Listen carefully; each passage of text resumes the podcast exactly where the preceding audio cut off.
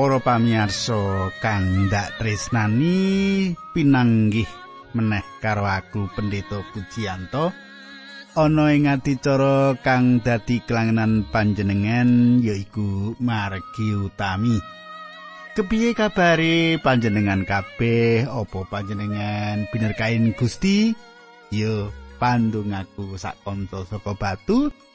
Panjenengan tansah sinisianing Gusti lan pikantuk berkah-berkah saka Gusti lan panjenengan uga kaparingana kesarasan. Iku pandonga saben isuk ana kantor kono saben-saben ndongaake panjenengan kabeh supaya panjenengan kabeh iso dadi seksine Sang Kristus tetep jejeg sinadyan akeh kudo sing nempuh urip panjenengan sugeng midhangetake adicara iki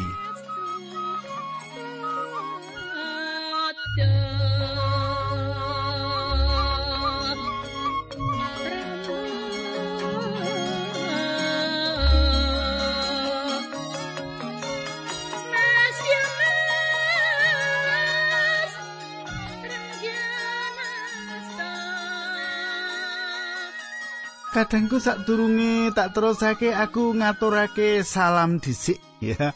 Iki ana layang-layang sing paring tanggapan karo adicara iki yaiku Bapak Suryanto. Bapak Suryanto.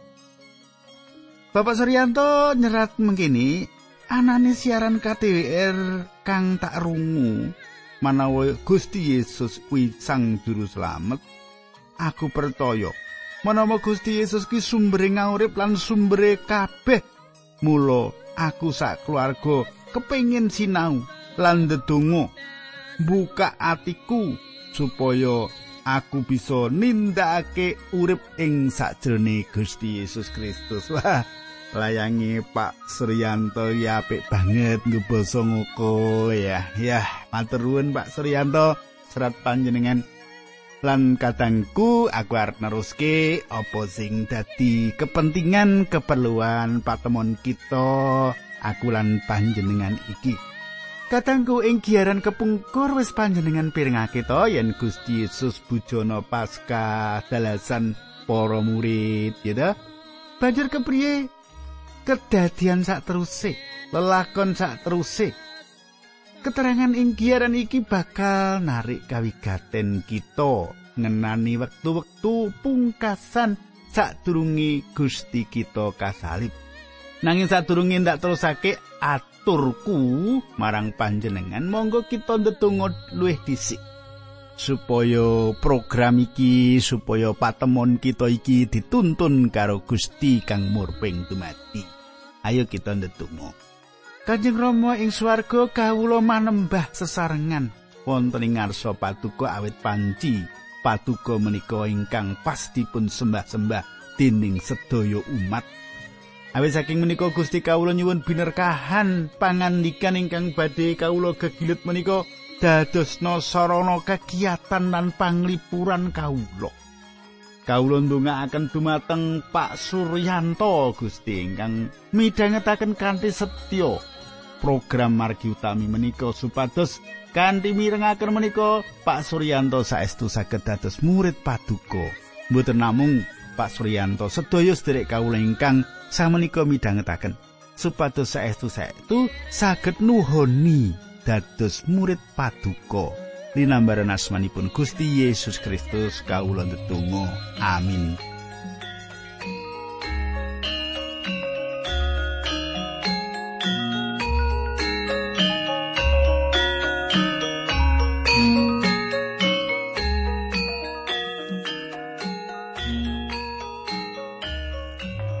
Para pamirsa, aku bakal maca lan gegilut apa sing dadi isine Injil Matius 6 ayate 13 nganti selawi. Nah, nek panjenengan wis nyawisake kitab suci, becik diwaca bareng karo aku ya kuwi Injil Matius 6 ayat 13 nganti selawi. Apa panjenengan wis nyawisake kitab suci panjenengan? Ayo diwaca bebarengan. paring wangsulane sing bebarengan karo aku nyelupake tangane ing pinggan iki yaiku sing bakal ngulungake aku putrane menungso pancen bakal linggar cocok karo kang katulis tumrap panjenengane nanging bilai wong kang dadi marganing putraning manungsa kaulungake luwih becik upama wong iku ora lahir. Yudas kang bakal ngulungake Gusti Yesus matur rak sanes kawula to guru. Pangandikane Gusti Yesus kowe wis ngarani. Kadangku kang dak tresnani Yudas Iskariot yen ngaturi Gusti Yesus kanthi sebatan guru utawa rabi. Ora kaya murid liyane ing adicara bujana Paskah iki ora ditulis bab nggone Yudas ninggalake omah mau mung ing Yohanes telulas ayat telung puluh Yudas ninggalake panggonan kono sawise diparingi anggur lan roti dening Gusti Yesus. Saiki diteruske maca kitab suci ing Injil Matius 16 ayat 16 nganti 18. Nalika padha mangan, Gusti Yesus mundhut roti lan sawise diberkahi, banjur dicuwil-cuwil sarta diparingake marang para sekabate pangandikane. Padha tampanana panganen iki badanku.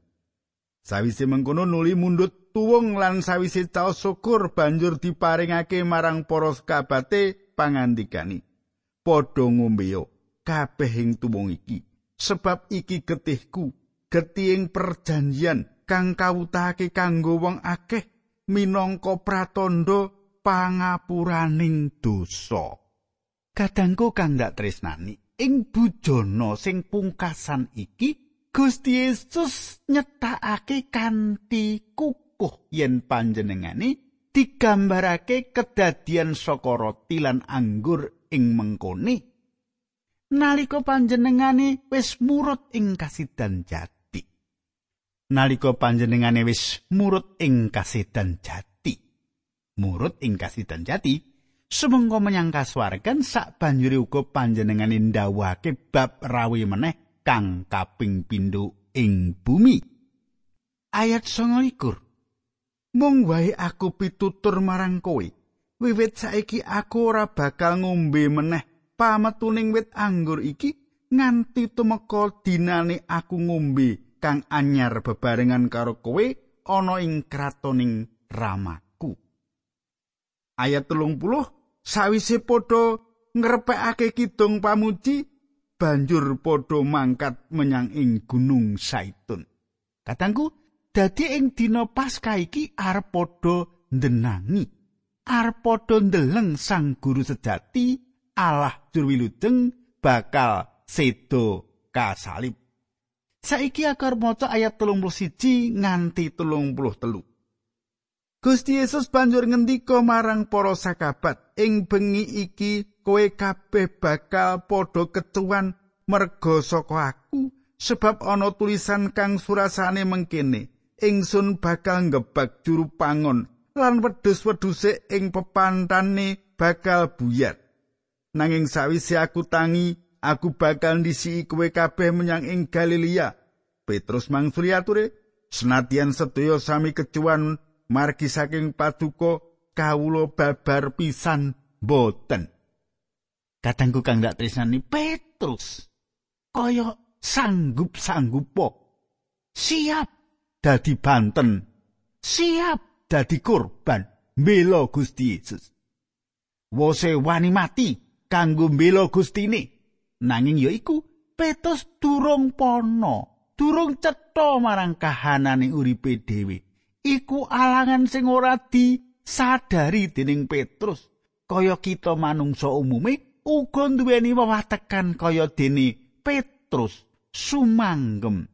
Saiki ayat telung puluh papat bakal ndak waca nganti mengko ayat telung puluh songo ayat telung puluh papat Matius 6 pangandikane Gusti Yesus marang Petrus satemene aku pitutur marang kowe bengi iki sadurunge jago kluruk kowe wis nyilaki aku kaping telu. Atur wangsulane Petrus, senajan kawula ngantos pecah sesarengan kalian paduka, kawula mboten badhe nyilaki paduka. Para sakabat liyane iya padha munjuk mengkono. Tindake Gusti Yesus karo para sekabate wis tekan ning panggonan kang aran Getsemani. Gusti Yesus banjur ngendika marang para sekabate, "Padha linggih ing kene, aku arep mrono ndedonga." panjenengane banjur tindak Petrus lan anake Jebedius loro padha kedawan nderek Gusti Yesus banjur wiwit kraos sungkawa lan giris. Nuli ngandika marang sakabate katelu mau atiku sedih banget rasane kaya arep mati padha ana ing kene aku rewang ana melek. Panjenengane banjur tindak ora ado saka ing kono nulis sujud lan ndedonga ature. Duh rama kawula menawi pancen saged mugi tuwung menika sumingker saking kawula nanging sampun ngantos kajeng kawula. Namungo sakarsa paduka makaten surasanipun pangandikan. Kadang kula tuwung cetha banget yen iku gambarane saliping Gusti sing isine jejember dosane donya. Pisanan Gusti Yesus ora kepengin ninggalake dalan salib nanging panjenengane nyuwun supaya amung kersane Allah Sang Rama sing bakal kelakon. Para murid Petrus, Yakobus lan Yohanes sing bebarengan karo Gusti Yesus ing taman. Sawise pandonga sing sepisanan, Gusti Yesus banjur nyelaki murid-murid mau nanging para murid mau padha turu. Panjenengan tak wacake Matius 16 ayat patang puluh nganti patang puluh siji. Banjur muruki sekabat telu mau podo ketemu turu. Panjenengane ngandika marang Petrus, "Apa kue ora kuat ngrewangi melek aku sak jambai?" Podo meleo lan ndedunguwa supaya kowe aja tumiba ing panggoda. Roh iku pancen cumadang nanging daging iku ringkih. Mangkono pangandikane Gusti. Kadangku, coba panjenengan semak padha jumuga lan padha ndedonga tembung iki ateges tansah sadar. Ora sembrono ora lerwo banjur ndedonga supaya ora dikalahake dening pacoban apa to pacoban iku? Sapa sing arep gawe pacoban marang para kagungan Gusti? Sapa meneh yen ora si iblis si ula tuwa iku iblis uga melu teka ing tengah-tengahing perjuangan hebat sing lagi dihadapi Gusti Yesus lan para murid. Gusti Yesus nglawan sarta nandingi mungsuh sing ora katon mau. Saiki ayat patang puluh loro. Banjur tindak meneh kang kaping pindhone lan ndedonga aturi. Duh rama kawula menawi tuwung menika mboten saged sumingkir kajawi kedah kawulombi inggih sumangga ing sakarsa paduka. Katangku sepisan maneh Gusti Yesus ora kepengin ninggalake dalan salib nanging panjenengane nyuwun supaya among kersane Allah Sang Rama sing bakal kelakon. Panjenengane pasrah sawetahing gesangi ana ing astani Sang Rama. Nah, saiki Matius 16 ayat patang puluh telu nganti patang puluh limo panjenengan gateake. Naliko muruki para sakabate meneh iya padha ketemu turu sebab mripate mliyut. Tumuli padha ditilar meneh kaping telune lan ndedonga kaya sing wis. Sawise mengkono banjur muruki para sakabate lan ngendika, "Padha terus nggonmu turu saiki lan ngasuwa." Lah wis tekan ing titi mangsane putrane manungsa kaulungake marang tangane wong-wong dosa. Katangku Gusti Yesus mirsani para murid sing padha turu ora duka. Panjenengane pirsa yen para murid uga nandang kekeselen. Nuli ngendika ing ayat patang puluh nganti patang puluh pitu ing Matius 16 mengkene pangandikane. Padha tangio. Ayo padha lunga kang ngulungake aku wis cedhak. Nalika Gusti Yesus isih ngendika Yudas yaiku salah sawijining sakabat teka kanthi wong sak golongan gedhe kang padha sikep pedang lan pentung utusane para pengareping imam lan pinituwaning bangsa Yahudi. Kadangku, nalika semono Yudas lan para mangsae Gusti Yesus kinanten wong sak pirang-pirang teka gumruduk arep ngrangket Gusti Yesus. Coba gateke ayat patang puluh wolu nganti seket tak wacake. Ayat patang puluh wolu nganti seket Matius 6 likur. Wong kang ngulungake panjenengane wis aweh tondo marang wong-wong mau. Wong sing tak cucup yaiku wonge cekelen. Satekane banjur enggah-enggal margi Gusti Yesus sarta matur, ngaturaken salam guru, nuli nucup. Nanging Gusti Yesus ngendika, "Eh, kanca, iku to perlumu teko. Wong-wong mau banjur padha maju lan nyekel Gusti Yesus. Kadangku, Yudas narasi. Ngecup Gusti Yesus sing sak temene arasan. Ngecup kadurakan. Kadurakan marang Gustine sing tresnani Yudas. Iki pakarti sing remeh. Iki pakarti sing asor sing ino banget sing tau ditindakake dening manungsa. Yudas wis kanthi ati sing maton ndurakani mbalelo mengkhianati Gustine. Saiki ayat 51 ing kono ana sawijining pandhereke Gusti Yesus kang gumrakeh tangane ngunus pedangi disabetake marang abdine Imam Agung kupinge kaperung katangku. Senajan wiwitane Petrus kanthi teksuro sombong wani dadi andel-andel marang Gustine nanging panjenengane Gusti Yesus ngendika yen Petrus bakal nyelaki kapitayane marang Gusti nganti kaping telu ing bengi iki uga coba panjenengan semak ayat seket loro nganti seket telu tak wacake yo ayat seket loro nganti seket telu Nanging pangandikane Gusti Yesus, pedangmu warangkakno, awit wong kang olah pedang bakal tiwas dening pedang. Apa pangiramu aku ora bisa nyuwun marang ramaku supaya panjenengane inggal ngirimake malaikat luwih saka rolas bergodo lan mbiyantu aku. Kadangku senatan wiwitane Petrus kanthi teksuro kanthi sombong ngadiku ngadiku ngadiku no wani dadi andel-andel marang Gustine. nanging panjenengane Gusti Yesus ngendika yen Petrus bakal nyelaki kapitayane marang Gusti nganti kaping telu ing bengi iku uga saiki ayat seket papat yen mengkono kepriye pangandika kang tinulis sing kitab suci bisane kelakon kang meratelakake yen iki kudu kelakon mengkono kadangku lelakon kedadian iki cunduk karo pamecok Matius njelasake iki kanthi gamblang. Saiki ayat 55 56 tak wacake. Ayat 55 56 Matius 6 likur. Ing nalika iku Gusti Yesus ngendika marang wong akeh mau, "Rumangsamu aku iki begal dene anggonmu teka sikep gegaman pedang lan pentung arep nyekel aku." Mongko saben dina aku linggih lan memulang ana ing pedalaman suci kowe ora nyekel aku. Nanging kabeh-kabeh iki kelakon supaya kayektenono kang tinulis ing kitabe para nabi. Para sakabat banjur padha ninggal panjenengane lan padha lumayu kabeh.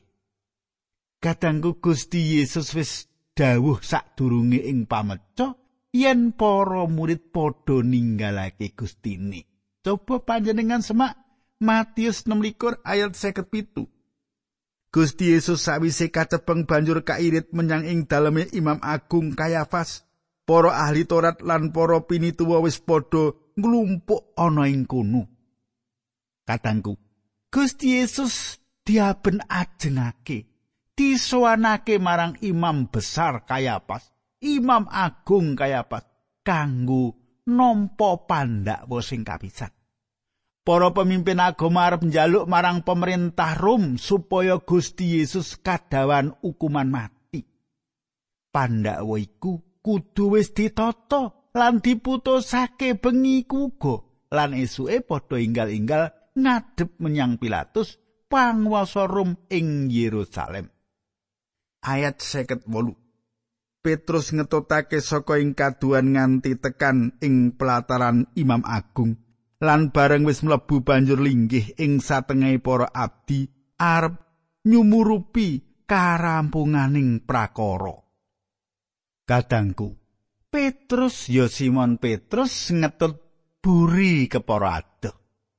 Yen kita uga ngetut buri kepara adoh karo Gusti Yesus, kahanan kita sejatine mbebayani lan nandhake iman kita kropos. Wekasane Petrus bisa mlebu nganti tekan pelataran omahe Kayapas. Petrus ngenteni keputusan apa sing arep ditampa Gusti Yesus. Nanging ora suwe wektune Petrus nyelaki kapitayane marang sang guru, guru agung sing dibekteni. Coba gateke Matius 16 seket songo nganti swidak. Ayat seket songo nganti swidak. Para pengareping imam malah sak pepake pradoto padha golek seksi pasu kang nglawan Gusti Yesus supaya panjenengane bisa kapatrapan paukuman pati. Ayat swidak. Nanging ora bisa oleh senadan akeh seksi palsu kang padha sebo. Wasana ana wong loro kang maju. Kadangku jalaran ora bisa nemokake bukti kesalahane, ora bisa nemokake bukti kaluputane, para pengarepe agama mau banjur ngupaya kanthi pasaksi palsu.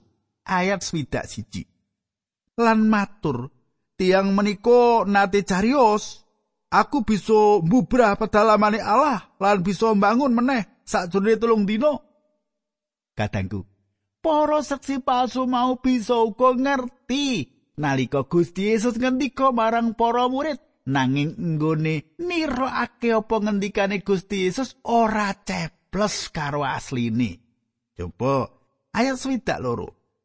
Imam Agung banjur jumeneng lan ngendika marang Gusti Yesus Apa kowe ora mangsuli apa-apa tumrap pandak wani seksi iki?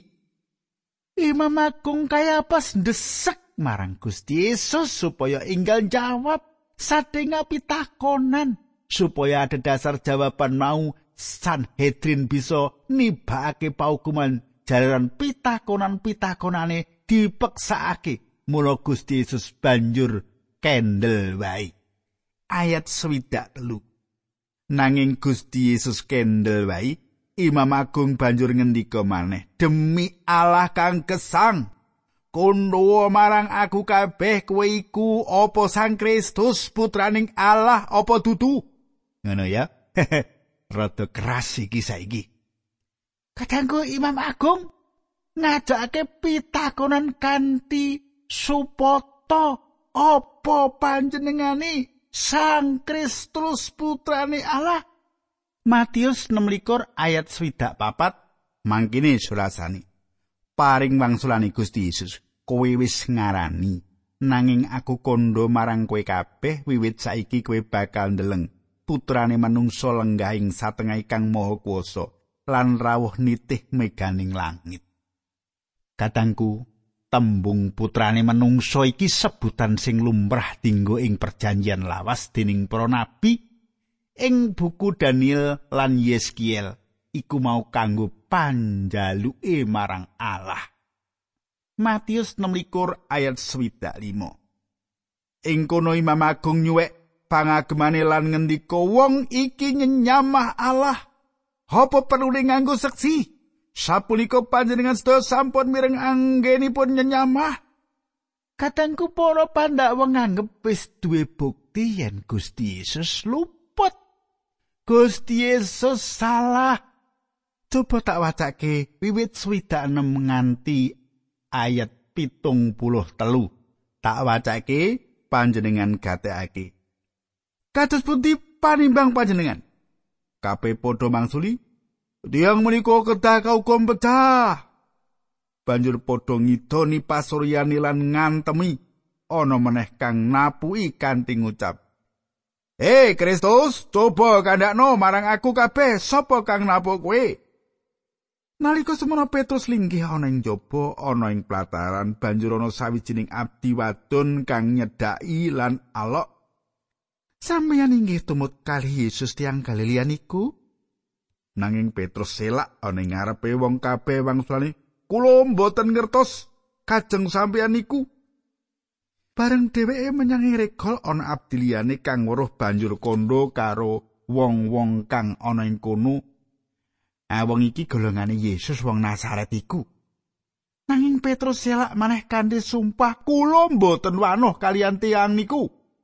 Ora let suwe wong-wong sing ana kono padha nyedhaki Petrus lan celatu.